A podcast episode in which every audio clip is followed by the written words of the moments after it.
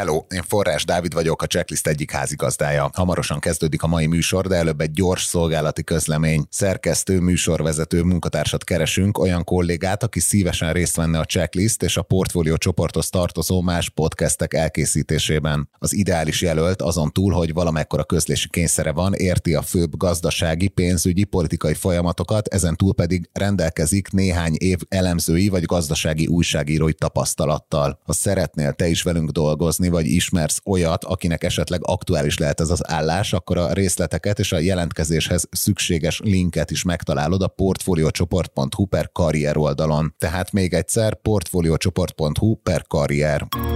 Portfolio Podcast Lab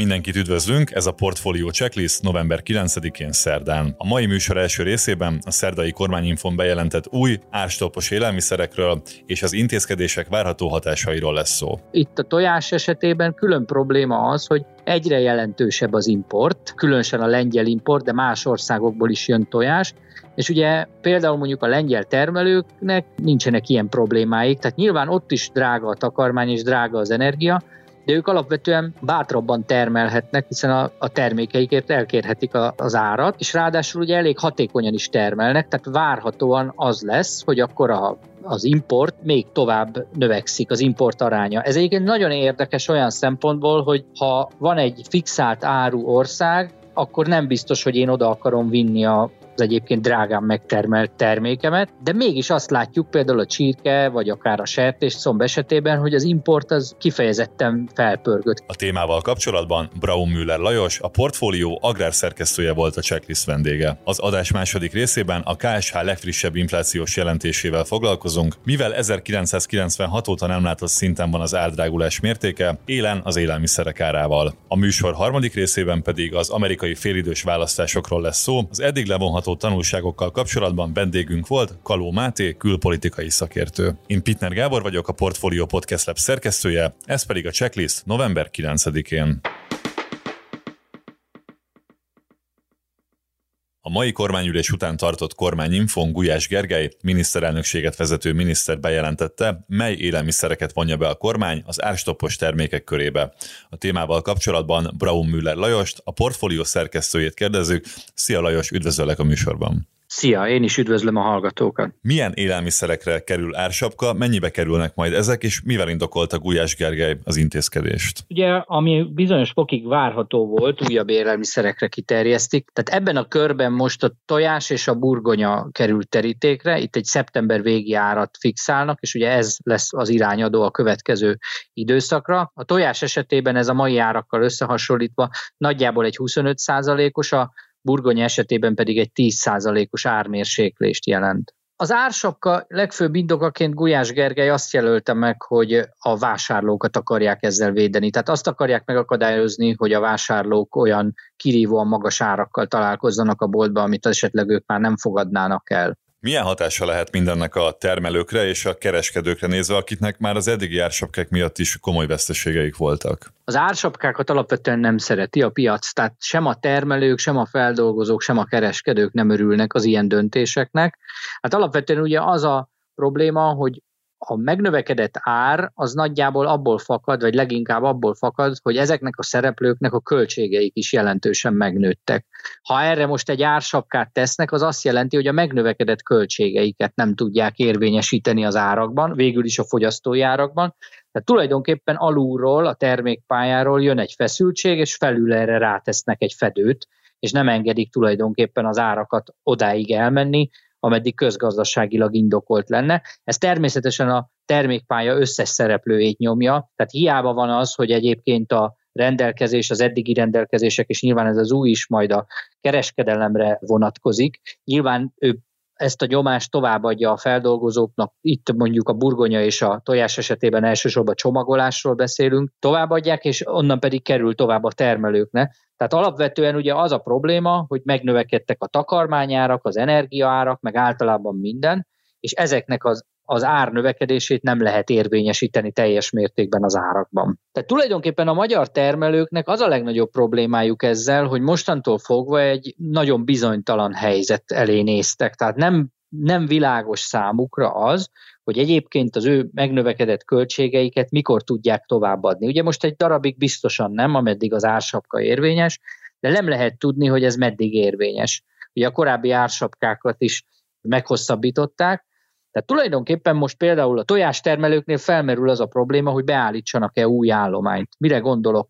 Itt ugye elsősorban arról van szó, hogy egy kis csibe, mire tojástermelő tyúk lesz, négy hónap eltelik. Tehát egy kis csibét négy hónapig kell etetni, mire az első tojást megtolja, és addig ugye nem hoz pénzt, csak viszi a pénzt. És arról nem is beszélve, hogy ezeknek a kis csibéknek egy nagyon-nagyon komoly tényező a hőmérséklet, 30-35 fok közé kell felfűteni az istálókat, különben megfáznak és elhullanak, és ugye ez a mai energiaárak mellett kifejezetten drága. Tehát tulajdonképpen most egy olyan helyzettel szembesül mondjuk egy tojástermelő, hogy ha új állományt akar beállítani, hogy nagyon drága takarmányjal kell négy hónapig etetnie ezt a csirkét, mire tojástermelő tyúk lesz belőle, és nagyon-nagyon drága energiával kell felfűtenie az istálót, úgy, hogy nem tudja érvényesíteni ezeket az árakat a tojás árában, hiszen ársapkát érvényesítettek a tojásra. Tehát vélhetően úgy fognak dönteni a tojástermelők, hogy nem állítanak be új állományt, vagy kevesebbet állítanak be, mint amit terveztek. A már most nevelt tojástermelő tyúkokat ez várhatóan nem érinti, tehát nem feltétlenül arról van szó, hogy most a következő egy-két hétben döntenek erről, hanem inkább az, hogy a következő hónapokra tervezett állománybővítéseket, állomány megújításokat fogják átgondolni a termelők. Tehát vélhetően mondjuk különösen a téli hideg hónapokra nem fognak annyit beállítani, mert hát nem vállalják ezeket a megnövekedett költségeket. Ugye nagyon kell fűteni a kis csibéknek, hogy megfelelő életkörülményeik legyenek. És ez tulajdonképpen elbizonytalanítja a termelőket, nem fognak kapacitást bővíteni, sőt a meglévő kapacitásaikat csökkentik. És ugye itt a tojás esetében külön probléma az, hogy egyre jelentősebb az import, különösen a lengyel import, de más országokból is jön tojás, és ugye például mondjuk a lengyel termelőknek nincsenek ilyen problémáik, tehát nyilván ott is drága a takarmány és drága az energia, de ők alapvetően bátrabban termelhetnek, hiszen a, a termékeikért elkérhetik a, az árat, és ráadásul ugye elég hatékonyan is termelnek, tehát várhatóan az lesz, hogy akkor a, az import még tovább növekszik, az import aránya. Ez egyébként nagyon érdekes olyan szempontból, hogy ha van egy fixált áru ország, akkor nem biztos, hogy én oda akarom vinni az egyébként drágán megtermelt termékemet, de mégis azt látjuk például a csirke, vagy akár a sertés szomb esetében, hogy az import az kifejezetten felpörgött, kifejezetten megnövekedett az ársapkák hatására. Tehát tulajdonképpen az a, egyik nagy probléma, hogy várhatóan a magyar termelők kevesebbet fognak termelni, míg az importáru az még nagyobb arányban jöhet be Magyarországra. Várható-e az, hogy a, a magyar burgonya, a magyar termelők burgonyája szintén háttérbe szorul majd a piacon? Igen, ráadásul ez ugye ez a folyamat elindult már az elmúlt években.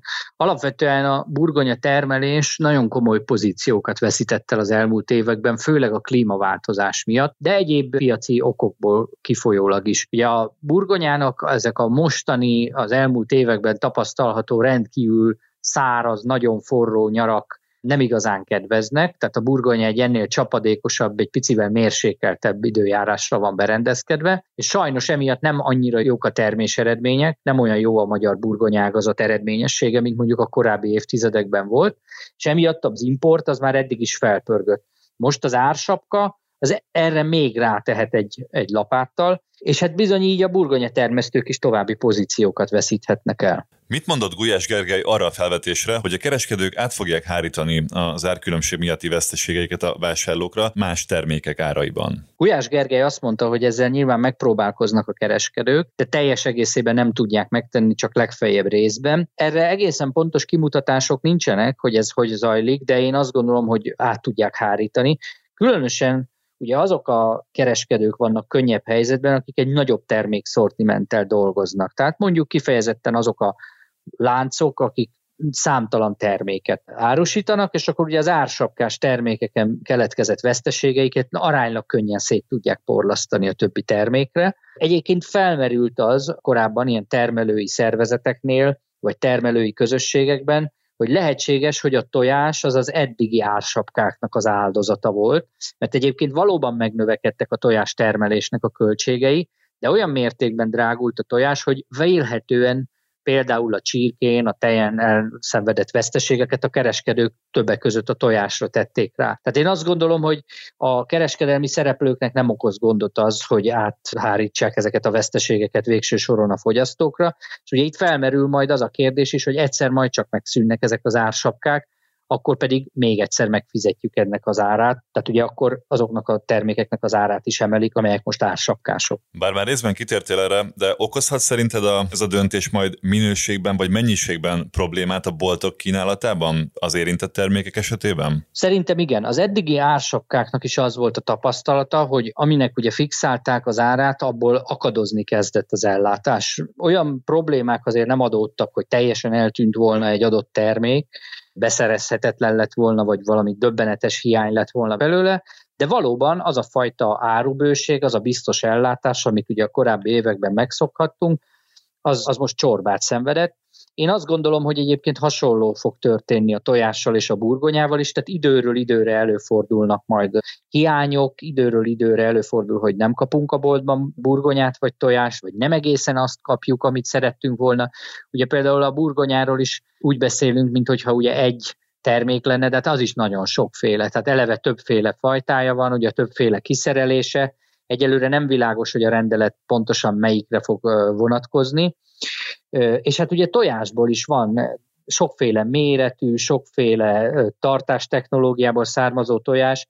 Ugye az sem világos természetesen ma még, hogy melyikre vonatkozik a mostani rendelkezés. Előfordulhat, hogy nem lesz tojás a boltban, és vagy nem annyi. Ez nem fog drámai mértéket ölteni, ez inkább ilyen bosszankodásra adhat okot, hogy éppen adott esetben egyik boltban nem kapunk, és akkor át kell menni mondjuk a másikba.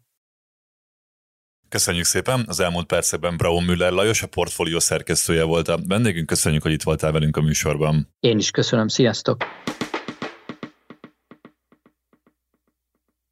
1996 óta nem látott magasságokba emelkedett az infláció októberben, derül ki a KSH friss jelentéséből. A számot legjelentősebb mértékben az élelmiszerek drágulása húzza felfelé, és ebben lényegi változás a közeljövőben sem várható. A témával kapcsolatban Beke Károly, a portfólió makroelemzője a vendégünk. Szia Karcsi, üdvözöllek a műsorban. Sziasztok! Hogyan alakultak a legfrissebb inflációs adatok, mennyire lepték meg az elemzőket a számok? Egy kis meglepetést okozott az, hogy októberben 21,1%-ra emelkedett az infláció. Az általunk megkérdezett szakértők előzetesen inkább 20,5, illetve 21% közötti adatra számítottak, tehát egy picivel lett magasabb a várakozásoknál, és ez egyértelműen az élelmiszereknek tudható be. Ott már 40%-os volt az éves áremelkedés, de a havi áremelkedési ütem is gyorsult. Szeptemberhez képest egy hónap alatt 4,3%-kal emelkedett az élelmiszerek ára, Ugye előzetesen arra lehetett számítani, hogy a, az előző havi 35%-ról nagyjából 38% környékére fog emelkedni az élelmiszerek inflációja, ez az emelkedés lett nagyobb a vártnál, és ez okozta talán egy kis meglepetést, hogy a, az inflációs adat is magasabb lett. A fogyasztói árindexen belül melyik fő csoportok drágultak a leginkább? Ugye szeptemberben került be először az inflációs kosárba a megemelkedett rezsiköltség, ezért azt lehet mondani, hogy éves alapon továbbra is a háztartási energia az, ami a legnagyobb mértékben drágult 64,4%-kal, de rögtön utána jönnek az élelmiszerek 40%-os áremelkedéssel, 10% felett volt a tartós fogyasztási cikkek, illetve a szeszes italok és dohányáruk, valamint az egyéb cikkek és üzemanyagok áremelkedése is. A legkisebb mértékű áremelkedést, tehát átlag alatti áremelkedést a ruházkodási cikkeknél, illetve a szolgáltatásoknál mért a statisztikai hivatal. Havi alapon az összes termékcsoportban áremelkedés volt tapasztalható, ebben kimagaslott az élelmiszerek már előbb említett 4,3%-os drágulása.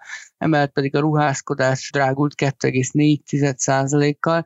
Ha pedig még tovább akarjuk bontani, akkor az látszik, hogy az élelmiszereken belül is elsősorban a, a tojás, a tejtermékek, a margarin, a tészta, illetve a zöldségek, idén zöldség, idén gyümölcsök ára emelkedett a legnagyobb mértékben. Talán nem véletlen, hogy éppen a tojásra és a burgonyára vetett ki árstopot a kormány éppen mai bejelentés szerint. Hogyan reagált a forint és a magyar tőzsde az adatokra? A forint gyengült nem csak az inflációs adatnak köszönhetően, hanem részben az újabb árstopoknak köszönhetően is 405 forint felett is járt az eurójegyzése, ez nagyjából egy bő fél százalékos forint gyengülést jelentett tegnaphoz képest. A részvénypiacon kisebb volt a, a mozgás minimális elmozdulást látunk, a Bux Index esetében 0,3%-os gyengülést. Ugye a tőzsdei társaságokat vagy a vállalatokat sokkal kevésbé érinti mind az infláció, mind az árstopok kiterjesztése. Ugye jelenleg nincs a tőzsdén kiskereskedelmi vállalat, aminek ez közvetlen bevétel kiesést vagy veszteséget okozna. Mik az elemzői várakozások, mikor és hány százaléknál tetőzhet az infláció, és mikor indulhat el a drágulás ütemének lassulása majd? Ugye az már régóta elmondható, most már hónapok óta azt mondjuk, hogy nagyjából az idei év végén, vagy a jövő év első hónapjaiban fog tetőzni várhatóan az infláció. Azzal kapcsolatban viszont egy picit nőtt a bizonytalanság, hogy ez a tetőzés ez hol következhet be.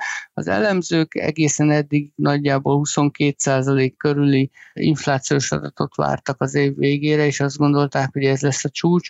A héten viszont Nagy Márton gazdaságfejlesztési miniszter miniszter egy interjúban arról beszélt, hogy akár a 25%-ot is megközelítheti az infláció az év végére, tehát ha hiszünk a, annak, hogy ő esetleg pontosabb információk birtokában van, akkor akár ez a 25 százalék, vagy ennek közelében sem elképzelhetetlen az adat.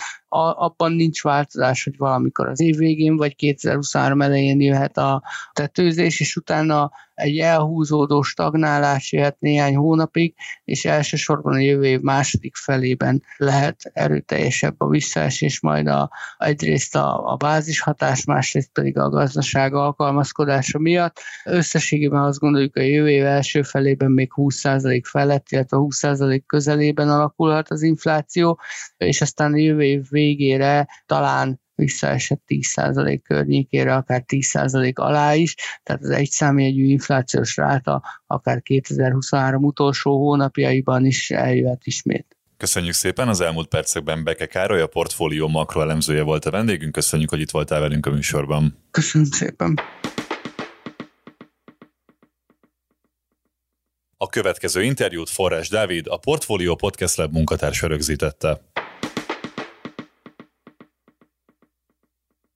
November 8-án félidős választásokat tartottak az Egyesült Államokban, melynek keretén belül a képviselőház összes helyére 35 szenátori helyre, illetve számos kormányzói és egyéb államszintű pozícióra választottak új politikusokat az amerikaiak. A témával kapcsolatban itt van velünk Kaló Máté külpolitikai jellemző. Szia, üdvözöllek a műsorban. Szervusz. Kezdjük ott, hogy milyen üzenettel mentek neki a republikánusok és a demokraták a mostani választásnak. Egyáltalán lehet-e beszélni egy olyan választáson egységes üzenetek területekről, ahol ennyire divers pozíciókra választanak új képviselőket vagy más politikusokat? Nagyon helytálló a kérdés, ugyanis voltak kiemelt üzenetek, de ugyanakkor tekintve azt, hogy egy hatalmas országról van szó, mind területileg, mind demográfiailag, mind politikailag, ezért voltak párhuzamosan versengő üzenetek, a narratíva pedig hát kicsit zavaros volt mindkét oldalon, de nagyjából úgy nézett ki, hogy a demokraták védték Joe Biden elnökségének a vívmányait, ami hát azt kell, hogy mondjam, azért idén nyárig nem annyira nagyon került csúcsra járatásra. Volt egy július közepi végi időszak, amikor hát meglepetésszerűen egy úgynevezett infláció csökkentő csomagot, ami egyébként ugye kicsit paradoxnak tűnő módon nagy kiköltekezéssel volt párhuzamos, fogadtak el, de igazából olyan dolgokra fordítottak ezek a dolgok, amik hát hosszabb távon csökkentik az állami kiadásokat, és hát ezáltal fogják a megtakarításokat növelni, de, de hogy alapvetően emellett Donald Trumptól fértik továbbra is a demokráciát, aki most már belengeti azt, hogy 2024-ben akár újraindulhat az elnöki pozícióért, és hát minden joga megvan erre, de alkotmányosan, valamint a létjogosultsága is megvan az indulásának, hiszen a republikánus párton belül torony magasan ő vezeti a népszerűségi listákat, tehát hogyha Joe Bidennek, vagy akárki legyen 2024-ben a demokrata jelölt, a népszerűségi mutatói továbbra is úgy alakulnak, mint ahogy most, akkor azt gondolhatja, hogy miért is ne induljon el, ez pedig a demokratákat és számos mérsékelt szavazót is elrettent, és ezért mennek a demokratákra szavazni, valamint ugye harmadik ügyként ott volt a legfelsőbb bíróság nyár elejé döntése, ugye, ami megvonta az alkotmányos védelme jogát az abortusztól, tehát ez pedig ugye a női jogoknak egy jelentős korlátozásával járt, és ettől azért tekintve, hogy milyen széles az érintetteknek a köre, rengetegen féltek, úgyhogy ez mozgatta a demokratákat leginkább, és az üzenetükbe is ez jelentkezett. A republikánusok pedig hát a gazdasági válságra appelláltak, ugye nekik a profiukból adódóan mindig is ugye ez az úgynevezett gazdasági komp kompetencia, piacpárti, versenyszellemű megközelítés az, ami mindig is közelebb állt a profiukhoz, de alapvetően ők még ezen túl a, a demokratáknak az úgynevezett ilyen vókságát nagyon sokat támadták, tehát ez a politikailag korrektség és a cancel culture hasonló ilyen hívószavak, amikkel operáltak, úgyhogy nagyjából így nézett ki és ugye körülbelül ilyen 11 után vesszük föl szerdán ezt az interjút. Most mit lehet tudni az eredményekről? Eldölte már bármi, akár a kongresszusi házakban, akár fontosabb államokban? 2020 tanulságaiból kiindulva azt lehet mondani, hogy egyfelől én hosszú évek óta először lefeküdtem este aludni, mert tudtam, hogy éjszaka fölösleges fönnmaradni, és az eredmények azok leghamarabb a reggeli órákba fognak bármi olyasmi képet mutatni, amiből már lehet következtetni arra, hogy mi lesz a végkimenettel. Amit jelen pillanatban látunk azt, hogy körülbelül ilyen 20 mandátum környékén, legalábbis amikor legutoljára ellenőriztem, 20 mandátum környékén vannak a republikánusok a képviselőházi többség megszerzésétől. Na most ez úgy néz ki, hogy 435 fős a képviselőház, és jelenleg ugye 219-220 mandátum az, amit el kell érni, és ők már 200 környékén járnak, tehát úgy néz ki, hogy valószínűleg a nap végére nekik már lesz elegendő mandátumuk, ha nem is nagy, de egy szűk többséget megszerezni, tehát ez a legvalószínűbb kimenetel az alsóházba, tehát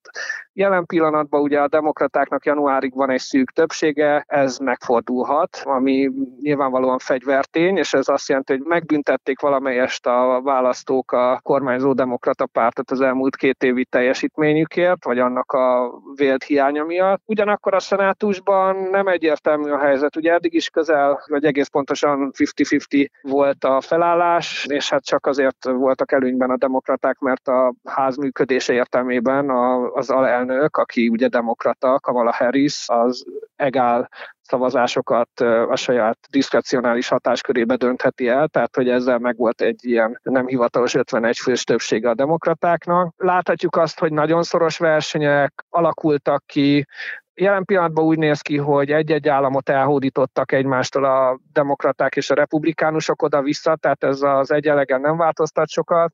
Jelen pillanatban Nevada államnak, Arizonának és Georgiának az eredményeit várjuk még, valamint Wisconsinét, de az már eldőlni látszik a republikánus inkumbens javára, aki a hivatalban lévő politikus Ron Johnson. Hát, hogyha a jelenlegi tendenciák lesznek a végeredményben is megfigyelhetőek, akkor az úgy nézhet ki, hogy Nevadát elviszik a republikánusok, Arizonát talán megtartja a hivatalban lévő demokrata politikus Mark és akkor hát az a helyzet, hogy Georgiába, ahol pár tízezer szavazata különbség a, a hivatalban lévő demokrata szenátor és a kihívója között.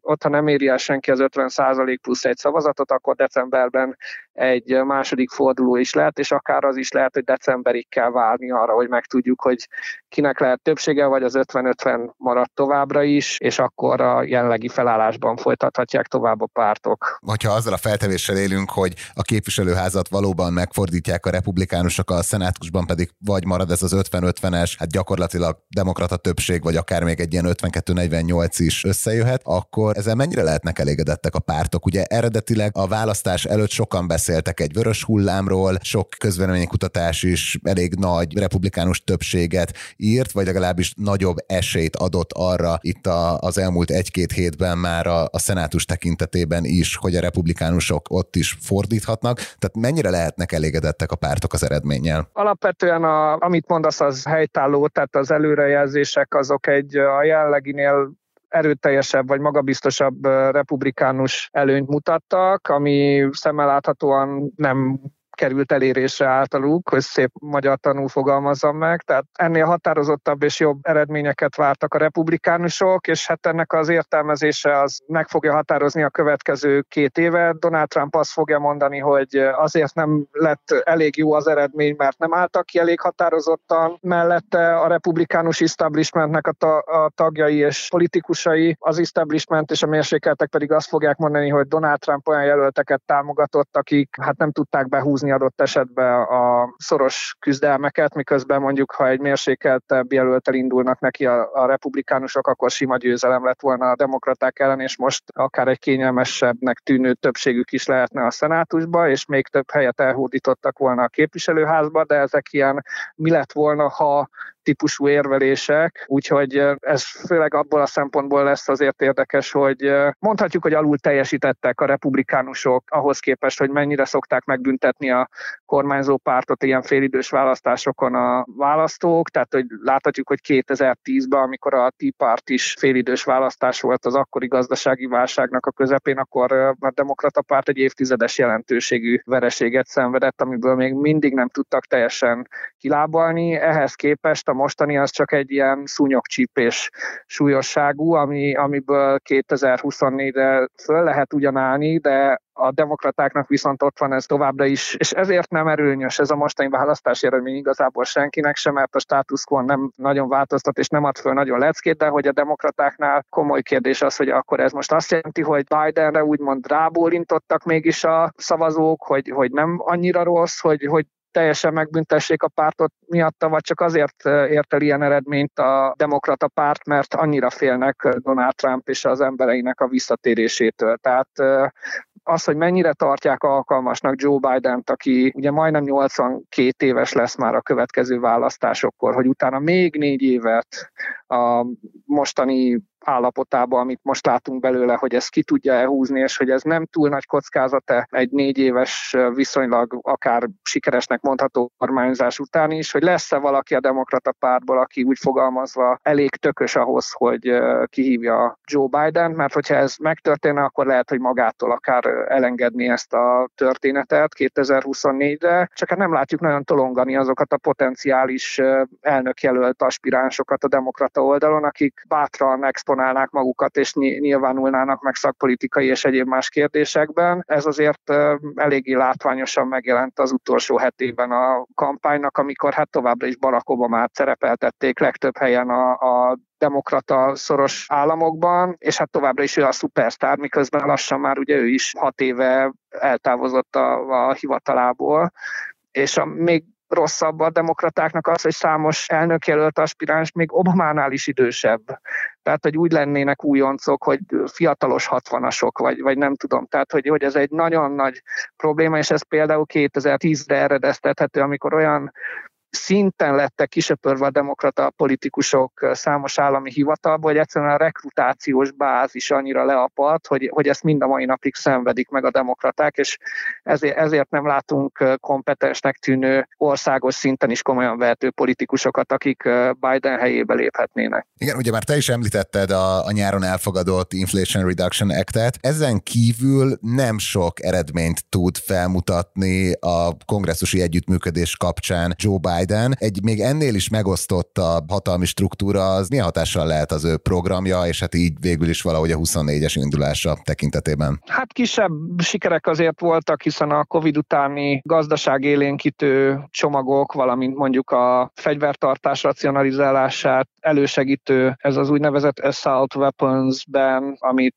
90-es évek óta először sikerült újra meghozni, ugye ezek ilyen évente vagy pár évente újra megfrissítendő törvények, ugye, ami igazából az ilyen féle automata, automata fegyvereknek a korlátozása lakossági szempontból, amit két párti támogatással fogadtak el, tehát hogy vannak ilyen apró sikerek még, valamint ugye szépen csendben azért továbbra is eléggé sok Trump után talán még hatékonyabb tempóban sikerült új szövetségi bírókat és még egy legfelsőbb bírósági tagot a szenátusban átvinni Bidennek. Tehát vannak sikerek, hanem is sikerült őket annyira jól kommunikálni, vagy exponálni, mert az a helyzet, hogy, hogy inkább mindenki azzal volt elfoglalva, hogy Joe Biden leesik a bicikliről, vagy Joe Biden nem találja az utat a színpadra, vagy elhunyt politikus társát keresi a közönségbe. Tehát egyszerűen a percepció, amit kialakított, és hát a média is alakít róla, főleg a konzervatív oldalon, elvonja a figyelmet arról, hogy neki milyen eredményei vannak, valamint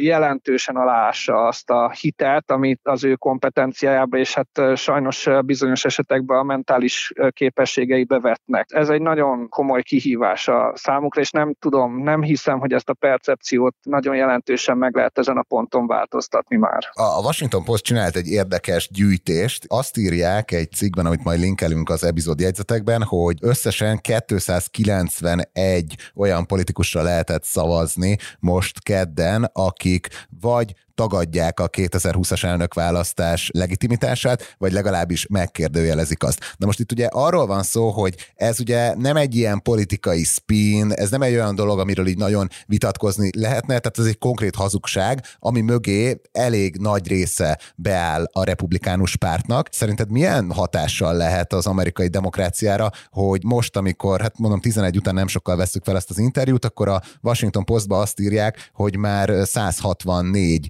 ilyen képviselőt vagy nem fogadja el a 2020-as elnökválasztás eredményét, vagy valamilyen összeesküvés elméletet terjeszt róla, tehát hogy ők most bekerülnek hivatalba, illetve hát többen közülük nyilvánvalóan legalábbis állami szinten részt fognak venni a következő elnökválasztás, nem tudom, hitelesítésében. Hát azok inkább az állami szintű végrehajtói karban. Nagyon nehéz lefordítani, mert ugye a szövetségi szinten a Secretary of State, ugye ez a hivatal, ez a, ez a külügyminiszternek felel meg, míg állami szinten egy ilyen fő jegyző szintű, vagy fő adminisztrátor pozíciót jelent. Na, nem is hiszem, hogy van ennek megfelelő magyar fordítása, vagy én ezzel nem találkoztam eddig.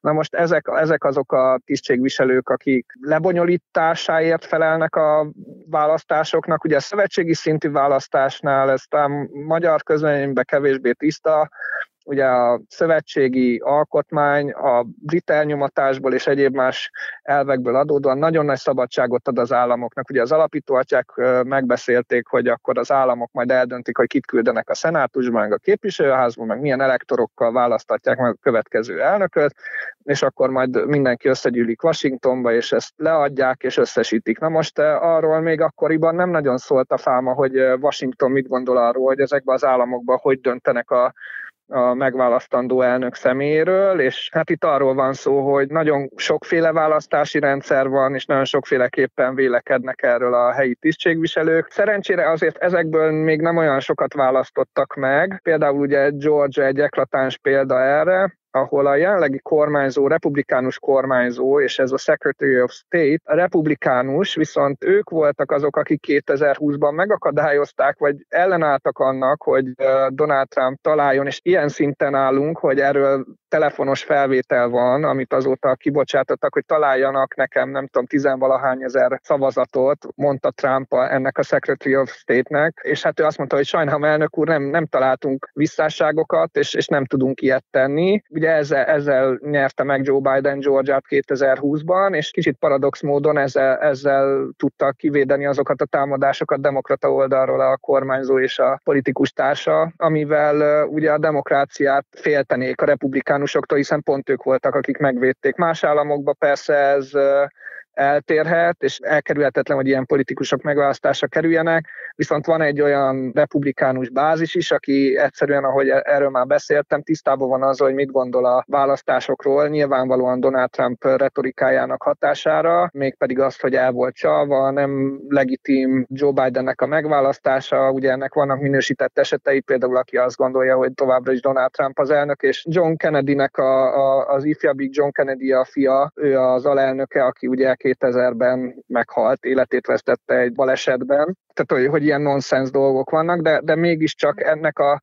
úgymond közvéleménynek a hatására ugyanazt visszhangozzák ezek a jelöltek, mint amit Donald Trump mond, hogy a szavazóit behúzzák, de ettől függetlenül nem feltétlenül gondolják ezt komolyan, egyszerűen csak pragmatikus okokból ezt hangoztatják, és nincsen további szándékuk ezzel, tehát hogy valóban egy ilyen pucskísérletbe vegyenek részt, de tény és való, hogy, hogy tényleg léteznek ilyen politikusok, ilyen személyek, akik viszont ezt komolyan gondolják, és adott helyzetben megfelelő pozícióban megtennék azokat a lépéseket, amik hát a demokrácia végét jelentenék, hogyha megvalósulnak megvalósulnának. De akkor alapvetően te bizakodó vagy abból a szempontból, hogy attól, hogy egy ilyen típusú platformon indulnak, ugye ez már önmagában egy kicsit ilyen posztmodern dolog, hogy elindulok egy választáson, amit ugyanazok az emberek szerveznek, akikről azt állítom, hogy az előzőt elcsalták, de hogyha ilyen döntési helyzetbe kerülnének, akkor te azt állítod, vagy az az érzésed, hogy a legnagyobb részük azért igazodna a demokratikus normákhoz. Empirikus módon annyit tudok erről mondani, hogy azokban az államokból valószínűleg 2024-ben is 2020 2020-hoz hasonlóan szoros lesz az állás, vagy újra választottak demokrata kormányzókat, vagy Georgiába azt a republikánus kormányzót és a Secretary of State-jét, aki 2020-ban megakadályozta Donald Trumpnak a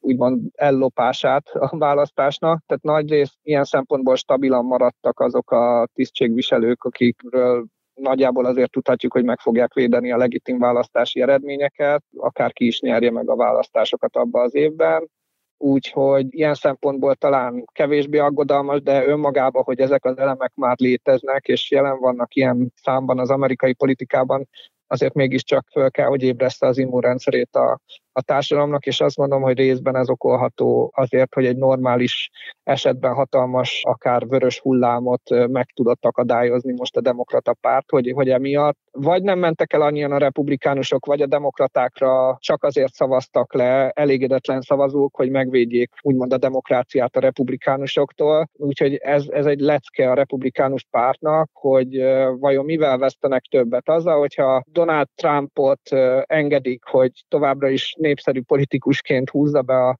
a republikánus szavazókat, de, de középről nagyon sokat vesztenek, és hát akkor az azt jelenti, hogy sokkal szűkebb, de sokkal aktívabb szavazóbázisuk lesz, és hogyha adott esetben a demokraták ugye egy relatíve jobb kormányzással tudnák mobilizálni a saját szavazóikat 2024-ben, akkor ezzel nem fognak tudni sikert elérni, vagy valahogy megpróbálják kifúrni Trumpot, de akkor viszont a saját szavazóbázisát, aki ugye a legnagyobb része a republikánus pártnak ilyen, felhergelik, és akkor meg azért nem szavaznak a republikánusokra, tehát hogy itt két nagyon veszélyes útvonal áll előttük, hogy Trump miatt, vagy Trump kigolyózása miatt nem szavaznának rájuk. Ezt nyilvánvalóan próbálják minden pillanatban matekozni, és patika mérlegen kiszámolni, hogy éppen merre fúj a szél, de ez a mostani eredmény, bevallom, nem segített sokat rajtuk. Tehát szemmel láthatóan csalódott arcok vannak még akkor is, hogyha mondjuk a képviselőházat megnyerik, vagy nettó nem lehet kudarcosnak nevezni a mostani választásokat, de abból a szempontból, ami előre vitte volna a republikánus pártot, ez abszolút nem az az eredmény, amivel elégedettek lehetnek. Jó, egy utolsó ilyen technikai kérdésem maradt, hogy mikorra lehetünk biztosak abban, hogy kié a kongresszus két háza? Hát a,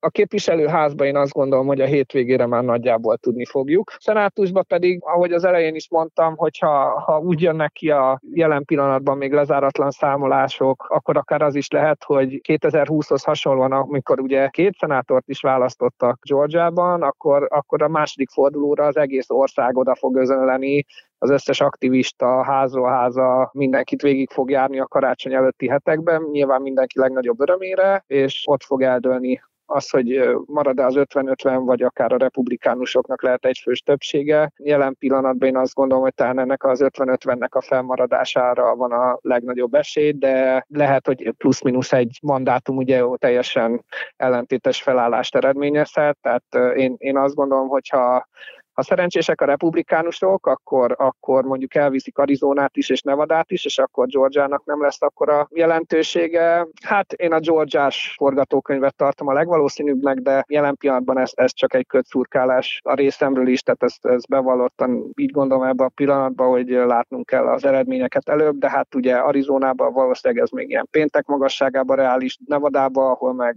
tradicionálisan nagyon lassan számolnak, akár még a jövő hét is lehet, de nagyon szoros, tehát a szenátus nagyon szoros, és, és tényleg lehet az, hogy az ünnepek előttre tudjuk csak meg, hogy, hogy mi lesz a felállás január 20-a után. Nagyon szépen köszönjük az elemzésedet. Az elmúlt percekben Kaló Máté, külpolitikai elemző volt a Portfolio Checklist vendége. Köszönjük szépen, hogy a rendelkezésünkre álltál. Én is köszönöm.